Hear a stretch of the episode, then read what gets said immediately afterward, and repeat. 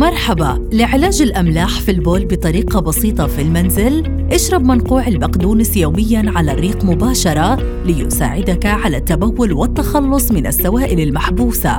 اخلط معلقتين من عصير الليمون مع ماء دافئ وبإمكانك تحليته بالعسل وتناول الخليط مرة كل يوم ليساعد في علاج الأملاح في الجسم.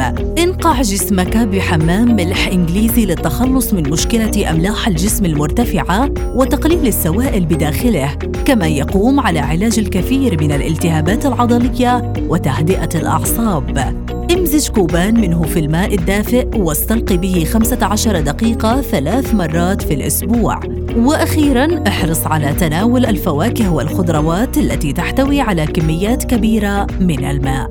إلى اللقاء في وصفة علاجية جديدة.